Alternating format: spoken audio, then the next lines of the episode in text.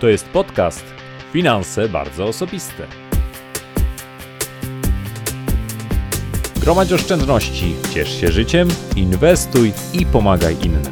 Ja się nazywam Marcin Ibuć, a Ty słuchasz właśnie audycji o zdrowym i sensownym podejściu do życia i pieniędzy. Zaczynamy!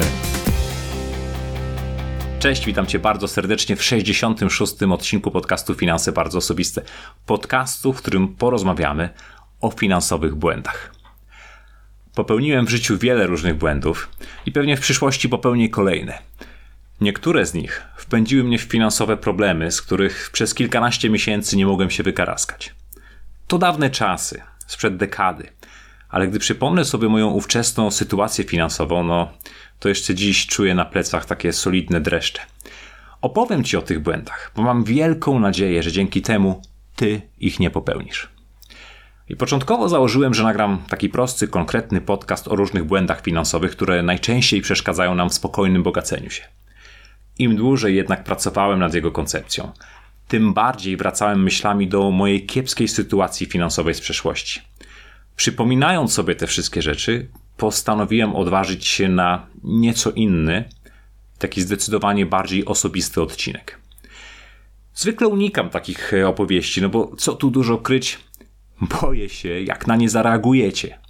W końcu od pięciu lat prowadzę bardzo konkretny blok finansowy, na którym szukacie po prostu skutecznych rozwiązań i podpowiedzi.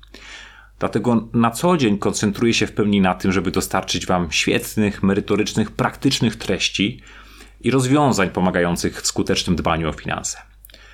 Mam jednak jakieś takie głębokie, tlące się gdzieś tu w środku przeczucie, a może nawet przekonanie, że ta dzisiejsza opowieść jest bardzo potrzebna. Wierzę głęboko, że to w jakiś sposób jeszcze bardziej zbliży nas do siebie, a jednocześnie pomoże Wam w uniknięciu głupich finansowych błędów. Dlatego biorę głęboki wdech i zapraszam do wysłuchania opowieści o mojej wielkiej finansowej głupocie z przeszłości.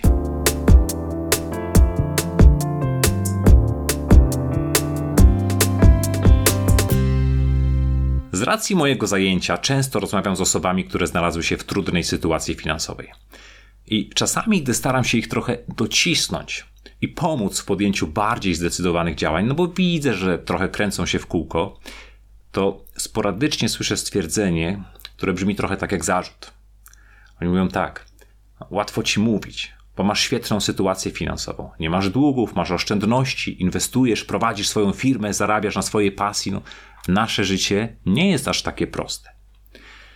I takie stwierdzenia nieuchronnie wyzwalają we mnie lawinę wspomnień sprzed nieco ponad dekady, gdy miałem na głowie trzy kredyty hipoteczne, w tym jeden, a jakże, we franku szwajcarskim. I łączna kwota tych kredytów przekraczała ponad 2 miliony złotych. Do tego dumnie nosiłem w portfelu cztery, żeby jak to pokazać, cztery karty kredytowe. Nie? I miałem limit w rachunku bankowym. I w sumie oznaczało to ponad 30 tysięcy złotych dodatkowego zadłużenia na karku. I co ciekawe, przez bardzo długi czas wcale nie miałem poczucia, że coś robię nie tak. Przeciwnie, czułem się świetnie. Trochę jak taki człowiek spadający z dziesiątego piętra. Jak się go zapyta na wysokości drugiego piętra, co u niego słychać, to powie super, nie? lecę sobie, nic mnie nie boli, jest naprawdę świetnie. I pamiętam, że kiedy w 2003 roku dostałem pierwszą wypłatę i kilka miesięcy później mBank zaproponował mi kartę kredytową, no to poczułem się, jakbym dostał awans społeczny. Oto ja, chłopak z Lubina na Dolnym Śląsku, podbijam szturmem stolicę. Jestem godny, aby korzystać z pieniędzy banku. No, to, to była taka czarna karta, chyba ze złotą rybką, jeśli dobrze pamiętam. E, I pamiętam, że od razu po wyciągnięciu tej karty z koperty poszedłem na zakupy, kupić sobie buty w Gino Rossi. Pani sprzedawczyni wzięła tę kartę ode mnie i powiedziała: Och, myślałam, że to prawdziwa czarna karta kredytowa z nieograniczonym limitem. Przed chwilą miałam takiego klienta i już myślałam, że pani jest następny. No, spojrzałem w tej piękne niebieskie oczy, mrugnąłem porozumiewawczo i powiedziałem zniżonym głosem: Jeszcze nie, ale już niedługo wrócę do pani z taką kartą. Wyobrażacie sobie mnie w takiej sytuacji? Na całe szczęście druga karta kredytowa miała jednak ograniczony limit zadłużenia. Wyrobiłem ją w roku 2006, bo chciałem kupić bilety na finał Mistrzostw Świata w piłce nożnej w Niemczech. Moja pierwsza karta, ta złota rybka, to była Visa. Sponsorem mistrzostw był Mastercard, więc wtedy trzeba było zapłacić Mastercardem. No i chętnych było oczywiście więcej niż biletów, dlatego ostatecznie nie udało mi się ich kupić, no ale z nową kartą zaprzyjaźniłem się na tyle, że pozwoliłem jej uwić sobie takie wygodne gniazdko w moim portfelu. Od czasu do czasu musiała tylko z tego gniazdka na chwilę wyskoczyć, tak żeby spełnić którąś z moich zachcianek, jak złota rybka wyczerpała już limit życzeń na dany miesiąc. Trzecia karta kredytowa, no to była już taka czysta esencja prestiżu. W 2007 roku zaciągnąłem w ówczesnym kredyt banku mój pierwszy kredyt hipoteczny na kwotę 880 tysięcy złotych. No i oczywiście za radą wspaniałego doradcy z grupy finansowej znanego miliardera. To był kredyt we frankach szwajcarskich, zaciągnięty przy kursie jakieś 2,50 za franka. Znalazłem fajny apartament na wynajem w centrum Warszawy, a książki Roberta Kiyosakiego no nie pozostawiały żadnych złudzeń, jaka jest droga do bogactwa. Korzystaj pod kurek z pieniędzy banku i patrz, jak się bogacisz. Co tu dużo mówić, no, bank nie miał wyjścia. Takiemu mądremu, prestiżowemu, perspektywicznemu klientowi jak ja, no od razu musiał po prostu zaproponować złotą kartę kredytową. No ja wspaniałomyślnie ten hojny gest przyjąłem i, i ten dar wziąłem pod swój dach, szczególnie, że pod tym dachem trwały prace wykończeniowe i brakowało najzwyczajniej pieniędzy na część elementów, których nie uwzględniłem w moim fantastycznym planie inwestycji. Zatem złota karta kredytowa nie tylko pomaga mi poczuć się lepiej, podniosła mój prestiż, no ale pomaga też wykończyć, podnieść standard wykończenia mieszkania na wynajem. W ogóle ten rok 2007 był bardzo dobry w mojej pracy, więc na początku 2008 otrzymałem solidny roczny bonus. I dzięki temu moje zaświadczenie o zarobkach za ostatnie 3 miesiące wyglądało wręcz imponująco. No i to natychmiast postanowiłem wykorzystać. Po co? No, żeby zaciągnąć kolejne kredyty E, kredyty hipoteczne. Moja żona była wtedy w zaawansowanej ciąży z naszą drugą córką, z Gabrysią, no więc doszedłem do wniosku, że to najlepszy moment, żeby naprawdę godnie zamieszkać. Poprzednie mieszkanie w samym centrum Warszawy przeznaczone było na, na wynajem, no a my znaleźliśmy nowe. Tym razem docelowe, wymarzone lokum na warszawskiej Ochocie, tu niedaleko w okolicach Parku Szczęśliwickiego. Oczywiście najsensowniej byłoby tamto sprzedać, kupić nowe yy, dla nas, no ale nie no, to by było za proste, za logiczne. Ja poszedłem do banku, pomachałem zaświadczeniem o zarobkach, no i już po paru dniach byłem posiadaczem kolejnego pięknego mieszkania z potencjałem. Z potencjałem, bo trzeba je było oczywiście gruntownie wyremontować. Dlatego tym razem nie bawiłem się w drobne, tylko do kredytu na zakup kredytu w kwocie 1 60 tysięcy złotych. Po jakimś czasie dobrałem jeszcze jeden, trzeci tym razem kredyt na 150 tysięcy złotych, no aby mieszkanie wykończyć. Trzy kredyty hipoteczne, głupota, nie? Ale to jednak nie wszystko. Moje pierwsze spotkanie z nieruchomościami miało miejsce w 2000 roku. I ja namówiłem wtedy moich rodziców, aby kupili za niemal wszystkie swoje oszczędności mieszkanie w centrum Wrocławia za jakieś 180 tysięcy złotych, jeśli dobrze pamiętam. No, oczywiście wymyśliłem sobie, że to będzie świetne mieszkanie dla mnie na przyszłość. Postudiowałem wtedy we Wrocławiu. I tamto mieszkanie faktycznie okazało się znakomitą lokatą kapitału, bo kosztowało 2,5 tysiąca złotych za metr i w szybkim czasie ceny zaczęły rosnąć. W każdym razie ja po latach byłem przekonany, że potrafię świetnie wyczuć nieruchomość z potencjałem. Niemal 10 lat wzrostów na rynku nieruchomości. Lektura książek Kiyosakiego, spotkania i rozmowy z doradcami handlującymi nieruchomościami, no wszystko utwierdzało mnie w przekonaniu, że ceny mieszkań zawsze będą piąć się do góry. Dlatego nie poprzestałem na trzech kredytach, tylko postanowiłem pożyczyć dodatkowe pieniądze od rodziny i kupić jeszcze jedno małe mieszkanko, tym razem w Poznaniu. W Poznaniu, którego kompletnie nie znałem. No ale doradca powiedział mi, że miejscówka jest super. No, a ja w ten sposób zdywersyfikuję swój portfel nieruchomości geograficznie. No, jeśli jesteście z Poznania, to możecie sami ocenić lokalizację. To była dzielnica Jeżyce, ulica Długosza. Pamiętam, wspólnie z kolegą staliśmy sobie któregoś dnia pod bankiem, a ja mówiłem, no stary, jeszcze 5 lat, jak utrzymam to tempo, to pęknie 10 baniek w nieruchomościach. Patrzyłem się oczywiście na wartość aktywów, no a kredytami się nie przejmowałem, bo przecież ceny będą cały czas rosnąć. Byłem królem świata. Nic już nie mogło stanąć na mojej drodze do finansowej wolności. Pieniądze po prostu same pchały mi się w ręce. I na przykład dokładnie tak znalazła się w moim ręku karta kredytowa numer 4, tym razem z Citibanku, na którą namówiła mnie przemiła hostesa, e, jak tankowałem paliwo na stacji, chyba to było BP. Poszedłem zatankować, wyszedłem z kartą kredytową. No, żyć nie umierać, życie to bajka.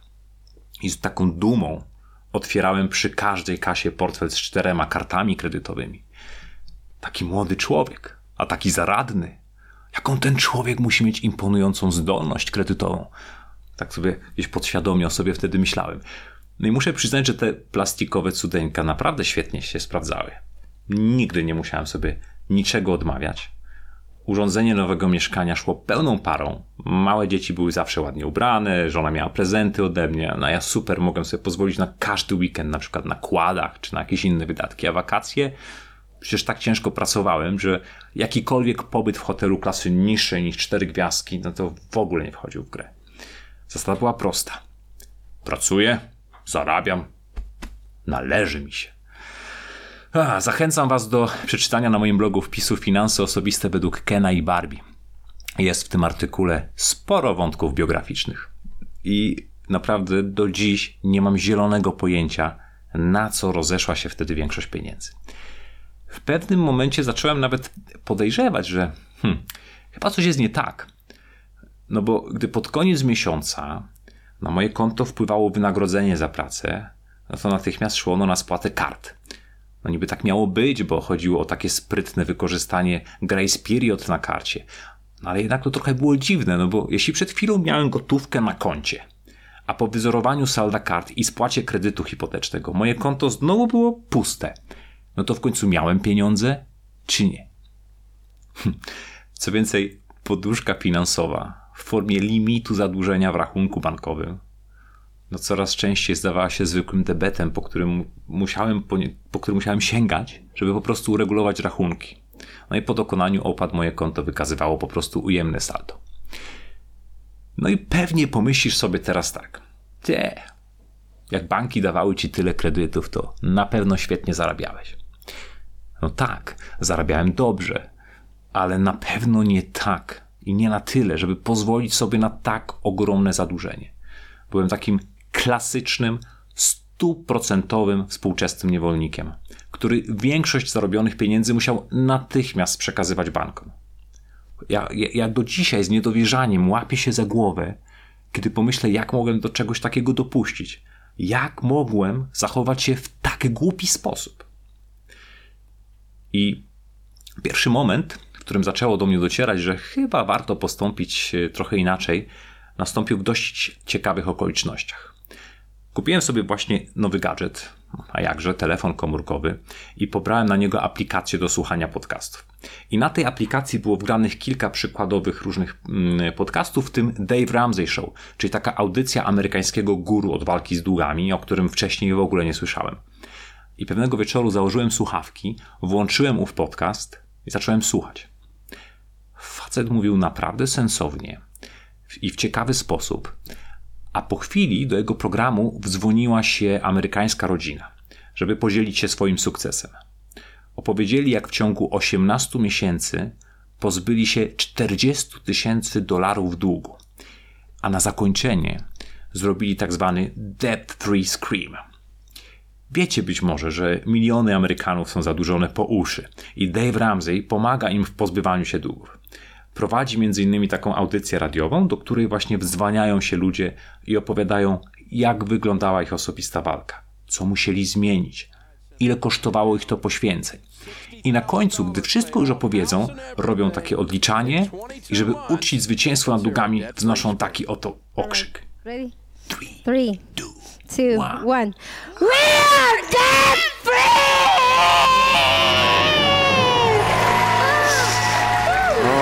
My gosh.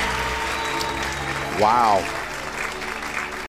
Wieczór, gdy po raz pierwszy tego wysłuchałem, był dla mnie ważnym momentem, bo czasami trzeba by coś walnęło nas w głowę, nim zaczniemy logicznie myśleć i działać. I pierwszy raz zaczęło do mnie docierać, że to, co robię, jest bardzo ryzykowne, a wręcz skrajnie głupie. No i w tym miejscu chciałbym Wam po prostu powiedzieć, że zacząłem zachowywać się inaczej. No ale to byłoby zbyt proste. W marcu 2008 roku na świat przyszła moja druga córeczka, Gabrysia. Żona przebywała na urlopie macierzyńskim, a na świecie rozkręcał się na dobre wielki kryzys finansowy. Pracowałem wtedy w banku hipotecznym, no i od razu było wiadomo, że w 2008 nie powtórzę wyników sprzed roku, więc premia będzie o wiele niższa. W takiej sytuacji świetnie sprawdza się poduszka finansowa, o której tak często Wam przypominam. No ale ja w tamtym czasie za poduszkę finansową uznawałem możliwość szybkiego zaciągnięcia kolejnego kredytu. Co się zaczęło dziać? Najpierw WIBOR zaczął gwałtownie rosnąć, przekraczając w pewnym momencie 6,5% skali roku.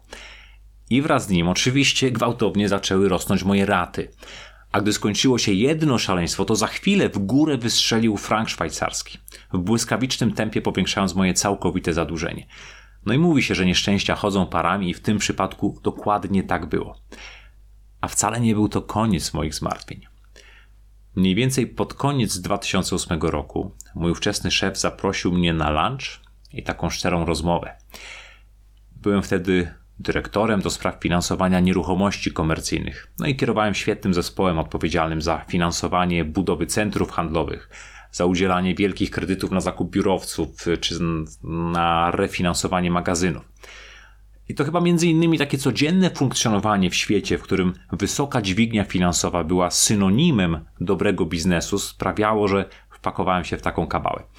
W każdym razie usłyszałem wtedy od szefa taką mniej więcej wypowiedź. Słuchaj, Marcin. Holendrzy zakręcili nam kurek z kasą, no i nie będziemy już mogli finansować takich nieruchomości. Jest kryzys finansowy, taki stan uśpienia może potrwać wiele miesięcy. Słuchaj, no mówiąc krótko, chciałbym, abyś porozmawiał ze swoim zespołem, no i żebyście zaczęli się rozglądać za inną pracą. Postaram się Wam oczywiście pomóc, tak aby każdy coś znalazł, ale myślę, że tutaj w banku hipotecznym za chwilę zaczną się cięcia. Dlatego od razu daję Ci znać. No i pamiętam, że to było w kawiarni Mood Cafe e, na Mokotowie w Warszawie przy ogródku jordanowskim. Ja słuchając jadłem jakąś kanapkę i pewnie w reakcji na tę wiadomość omal się nie zadławiłem, ale robiłem oczywiście dobrą minę do złej gry. Starałem się nie dać po sobie niczego poznać. Podziękowałem uprzejmie szefowi za tak za takie bardzo fair podejście, no bo przecież mógł nas po prostu wykopać. No i starałem się generalnie trzymać fason. Ale prawda była taka, że po raz pierwszy w życiu poczułem to straszne uczucie. Taki wielki, mrożący, taki zupełnie paraliżujący strach rozchodzący się po całym ciele. Strach związany tym, z tym, że ten mój, ten mój finansowy domek z kart, ten mój finansowy bałagan runie jak domek z kart. Miałem wtedy 32 lata, a byłem przerażony jak małe dziecko w ciągu dosłownie tygodni, takiego pewnego siebie, pewnego swojej nieomylności, błyskotliwości, zaradności finansowej faceta, zmieniłem się zagubionego, całkowicie rozbitego, nieporadnego człowieka. Pamiętam, jak po którejś nieprzespanej nocy wszedłem o piątej rano pod prysznic i stałem tam bardzo długo, trzęsąc się pod strumieniem gorącej wody, tak jakby było mi zimno. Ja byłem naprawdę przerażony. Przez całą noc snułem sobie wtedy różne scenariusze. Co może się stać, jeśli nagle stracę dochód? Kredyty hipoteczne były zaciągnięte w jednym banku, więc sobie myślałem, że jeśli braknie mi na obsługę któregokolwiek kredytu, to bank wypowie nam wszystkie trzy. No i to co? No to wtedy pewnie stracimy mieszkanie i tamte nieruchomości też. Frank szwajcarski podskoczył i przebił barierę 3 zł, więc byłem winny bankowi teraz znacznie więcej niż pożyczyłem.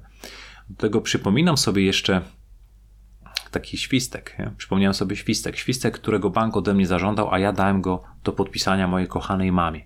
I to było poręczenie kredytu. Kurde, co się stanie, jeśli moja głupota doprowadzi do tego, że zagrożony będzie również majątek mojej mamy? Mamy będącej na emeryturze. Majątek, na który tak ciężko pracowała przez całe życie.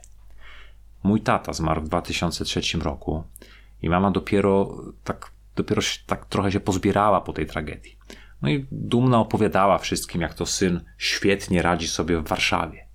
No i teraz co, ma dostać takiego strzała ode mnie? Ma mnie ratować z finansowych tarapatów? No, miałem jeszcze małe dzieci. Gabrysia, która dopiero skończyła roczek, czteroletnia Julka. Jak to się stało? Kiedy to się stało? Przecież wszystko miało iść jak po sznurku. Mieliśmy piąć się z żoną po szczeblach korporacyjnej kariery, zarabiać bajońskie sumy w korporacjach, wysyłać dzieci do drogich prywatnych szkół, spędzać weekendy spa, jeździć do luksusowych kurortów, a nasze kredyty w pocie czoła mieli spłacać najemcy. Najemcy. No właśnie, najemcy. Co będzie, jeśli z jakichkolwiek powodów najemcy się wyprowadzą i przestaną płacić czynsz? Co my wtedy zrobimy? Naprawdę traciłem głowę, bo kwoty zadłużenia w stosunku do naszych zarobków były przerażające. To były dla mnie fatalne chwile. Nie życzę nikomu, aby kiedykolwiek znalazł się w podobnej sytuacji.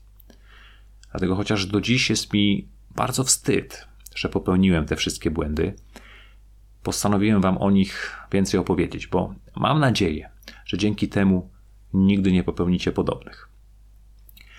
I kiedy robiłem sobie niedawno takie podsumowanie 2018 roku, bardzo intensywnie myślałem też o tym, co powinienem zmienić, co powinienem poprawić w moim sposobie działania, żeby w 2019 roku zdecydowanie zwiększyć swoje szanse na realizację misji, która tak bardzo mnie uskrzydla i motywuje każdego dnia do ciężkiej pracy.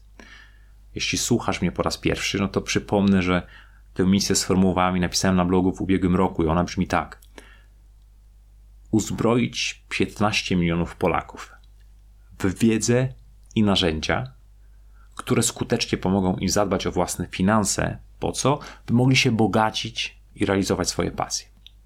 Dlaczego 15 milionów?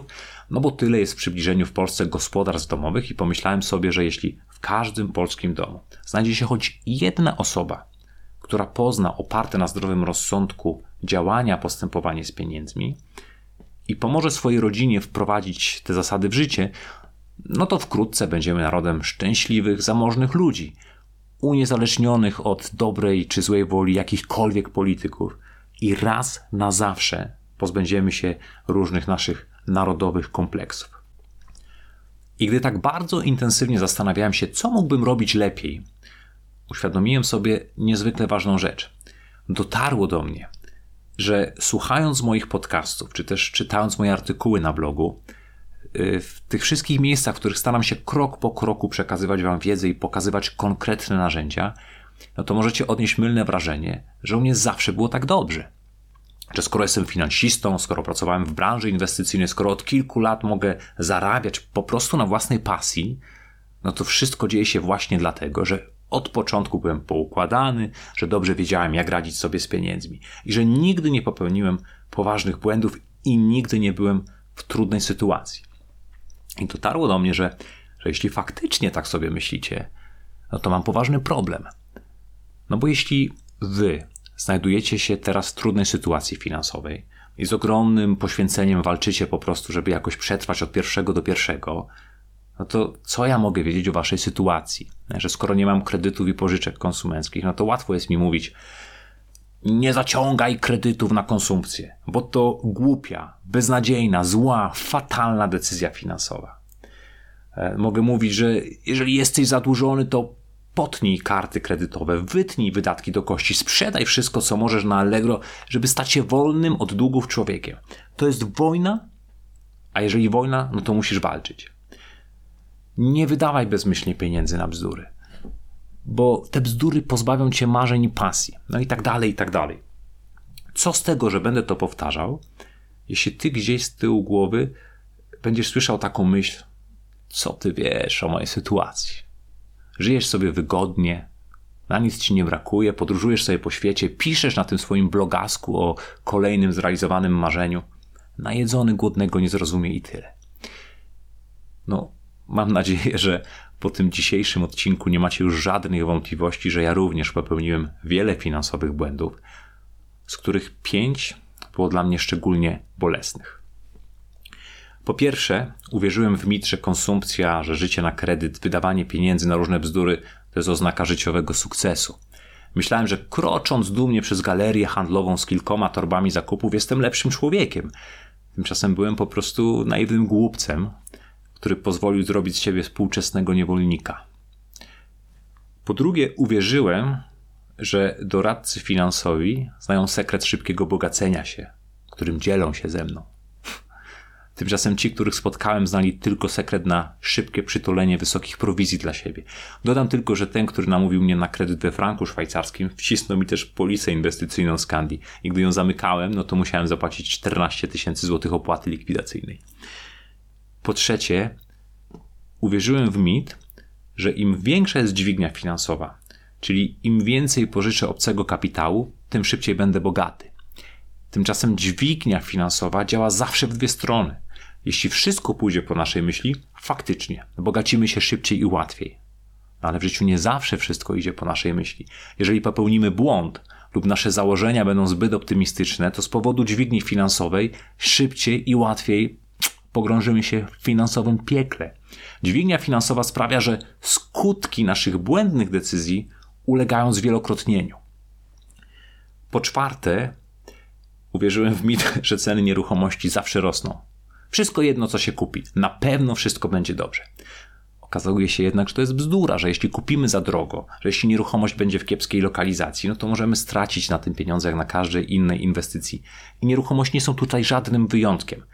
Nieważne, co mówią doradcy finansowi. O, o, oni chcą prowizji. I każda inwestycja, z którą z nimi wejdziesz, będzie opisywana jako dobra. Ale to my i tylko my ryzykujemy prawdziwe, realne pieniądze, słuchając ich podpowiedzi. No i wreszcie po piąte, i to jest najważniejsze, ja nie rozumiałem, że za stan moich finansów odpowiada tylko jedna osoba. Ja. Nie rodzice, nie nauczyciele, nie pracodawcy, nie politycy, nie doradcy finansowi, tylko facet, którego co rano oglądam w lustrze przy myciu zębów. To on, czyli ja, jest moim największym problemem finansowym. No i właśnie moment, którym uświadomiłem sobie, że to ja i tylko ja jestem za wszystko odpowiedzialny, był najważniejszy w tej całej historii. Bo skoro to ja jestem odpowiedzialny, to również ja mogę to wszystko zmienić. Przypomniałem sobie audycję Dave'a Ramseya i zacząłem każdego dnia jej słuchać, by utrzymać motywację do działania. Potem obsesyjnie rzuciłem się na zdobywaniu wiedzy z zakresu finansów osobistych. Zacząłem rozumieć, że tak jak z każdą dziedziną życia, tak też finansami osobistymi też rządzą określone reguły. Jeśli zacznę te proste reguły stosować, no to mam szansę wyjść z tego bagna. Biorąc przykład z bohaterów audycji Ramzeja, postanowiłem, że ja też chcę kiedyś głośno krzyknąć: Jestem wolny od długów. I'm dead free. I 10 lat temu byliśmy na krawędzi finansowej katastrofy. Ale na szczęście nie ziścił się czarny scenariusz i nie straciliśmy dochodu. Ja znalazłem pracę w TFI. Wprawdzie początkowo tylko na umowę zastępstwa za dziewczynę, która była na urlopie macierzyńskim. Mm, I to się wiązało z tym, że moje wynagrodzenie w TFI było przez kilka miesięcy o połowę niższe niż w banku, no ale otrzymywałem jeszcze przez kilka miesięcy wynagrodzenie z poprzedniej pracy, więc mieliśmy taką chwilę na, złapa, na, na złapanie oddechu.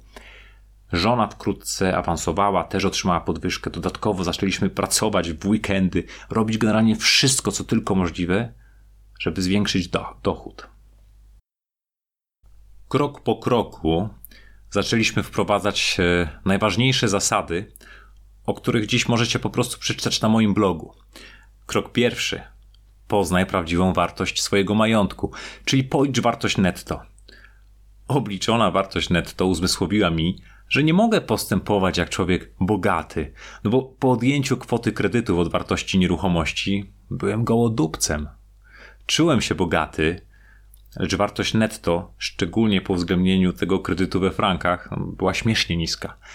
To pomogło mi spojrzeć na stan finansów z właściwej perspektywy. I o tym, jak policzyć swoją wartość netto, przeczytasz na moim blogu w artykule Wartość netto, ile zabierzesz na wyspę marzeń. Krok drugi. Przygotuj domowy budżet. No, okazało się, że budżet domowy jest potężnym, szalenie skutecznym narzędziem.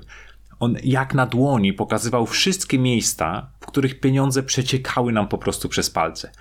Pomógł zidentyfikować też wszystkie pierdoły, na które rozchodziły się nasze pieniądze. I To pomogło nam znakomicie uszczelnić wydatki. No i nagle okazało się, że jeśli dociśniemy sobie śrubę, to możemy wygenerować solidne nadwyżki w budżecie, no tak jakbyśmy sami dali sobie podwyżkę. Co jednak najważniejsze, od tej pory to my świadomie decydowaliśmy, dokąd mają iść nasze pieniądze, zamiast się zastanawiać, gdzie się rozeszły. I pierwsze budżety były proste, były niedoskonałe, były pełne luk, ale po kilku miesiącach każda złotówka była pod naszą świadomą kontrolą.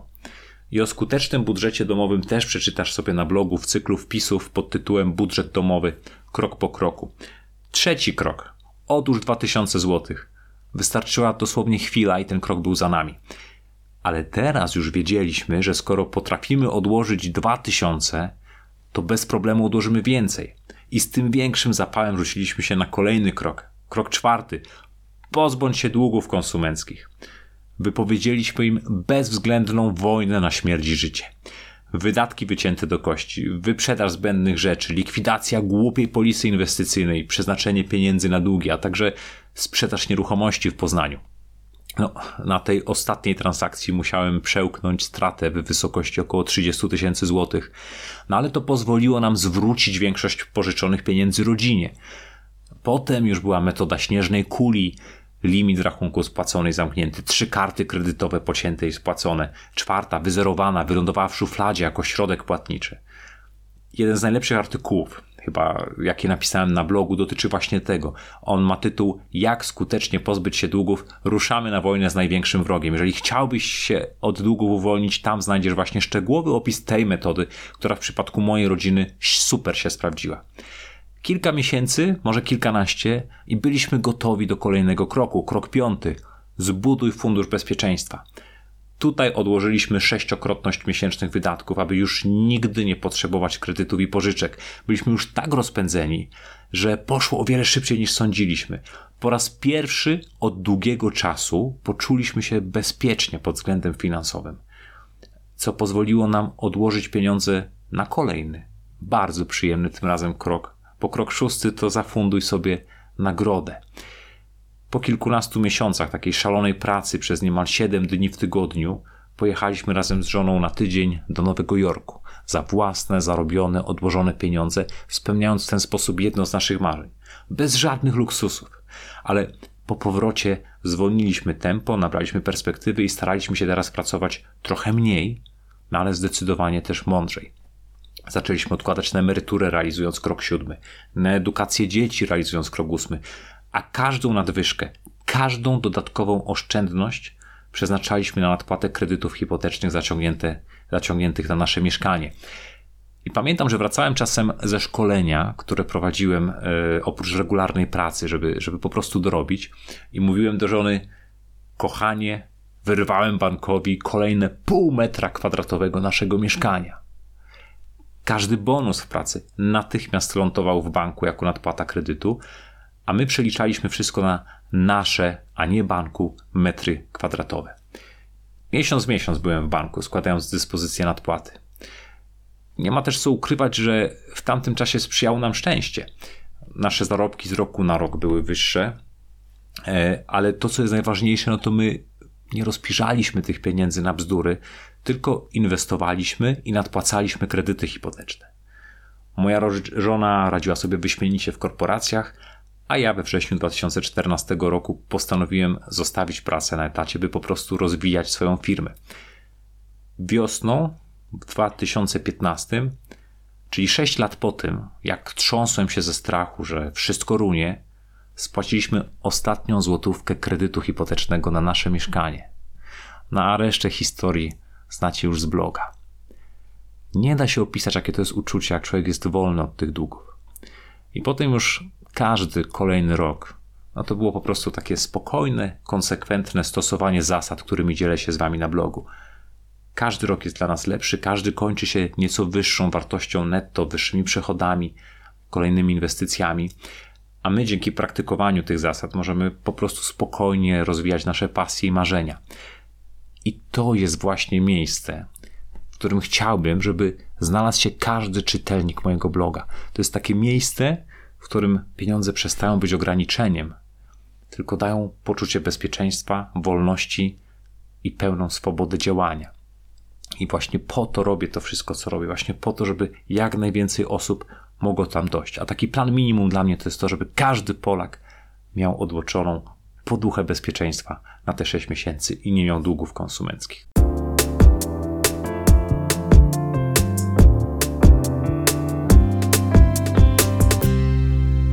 No dobrze, to czas już zakończyć tę moją opowieść. Przyznam się, że naprawdę mam Pietra, jak zareagujecie na ten nietypowy odcinek podcastu. Od największego dołka, w którym znalazłem się, minęło dokładnie 10 lat, a ja mam wrażenie, jakby to było wczoraj.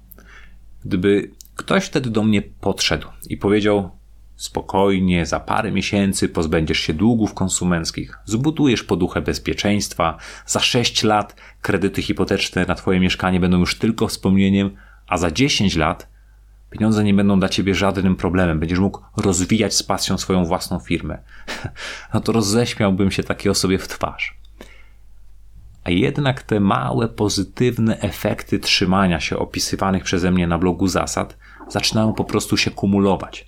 Wszystko zaczyna przyspieszać we właściwym kierunku, no i czas działa po prostu na naszą korzyść. Od tych 10 lat finanse osobiste i mądre, świadome inwestowanie to jest moja obsesja. To jest taka obsesja, która przerodziła się w pasję. Każdego dnia staram się dowiedzieć czegoś nowego na ten temat, poszukać kolejnych skutecznych metod działania i tworzyć kolejne publikacje, które będą dla Was pomocne. No i zdecydowałem podzielić się z Wami też tą opowieścią, bo cały sens tego, sens tego, co robię, opiera się właśnie na Was. Jeżeli jesteście gdzieś na początku drogi nie jesteście pewni, czy to, o czym piszę, sprawdza się w praktyce, no to mam nadzieję, że teraz nie macie już żadnych wątpliwości.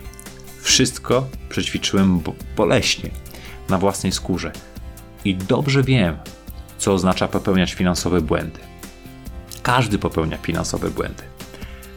To jest całkowicie normalne, ale z tego samego powodu każdy, bez względu na to, jak wygląda dziś jego sytuacja finansowa, każdy może zmienić kierunek, obrócić się napięcie i zacząć kroczyć po prostu we właściwą stronę, zacząć spokojnie wszystko naprawiać. Czas minie i zrobi swoje. I wystarczy teraz, żebyś ty też zrobił swoje, a wszystko będzie dobrze. Dziękuję Ci serdecznie za wspólnie spędzony czas i życzę Ci samych udanych, samych dobrych decyzji finansowych w przyszłości. Pozdrawiam Cię bardzo serdecznie. Trzymaj się. Cześć.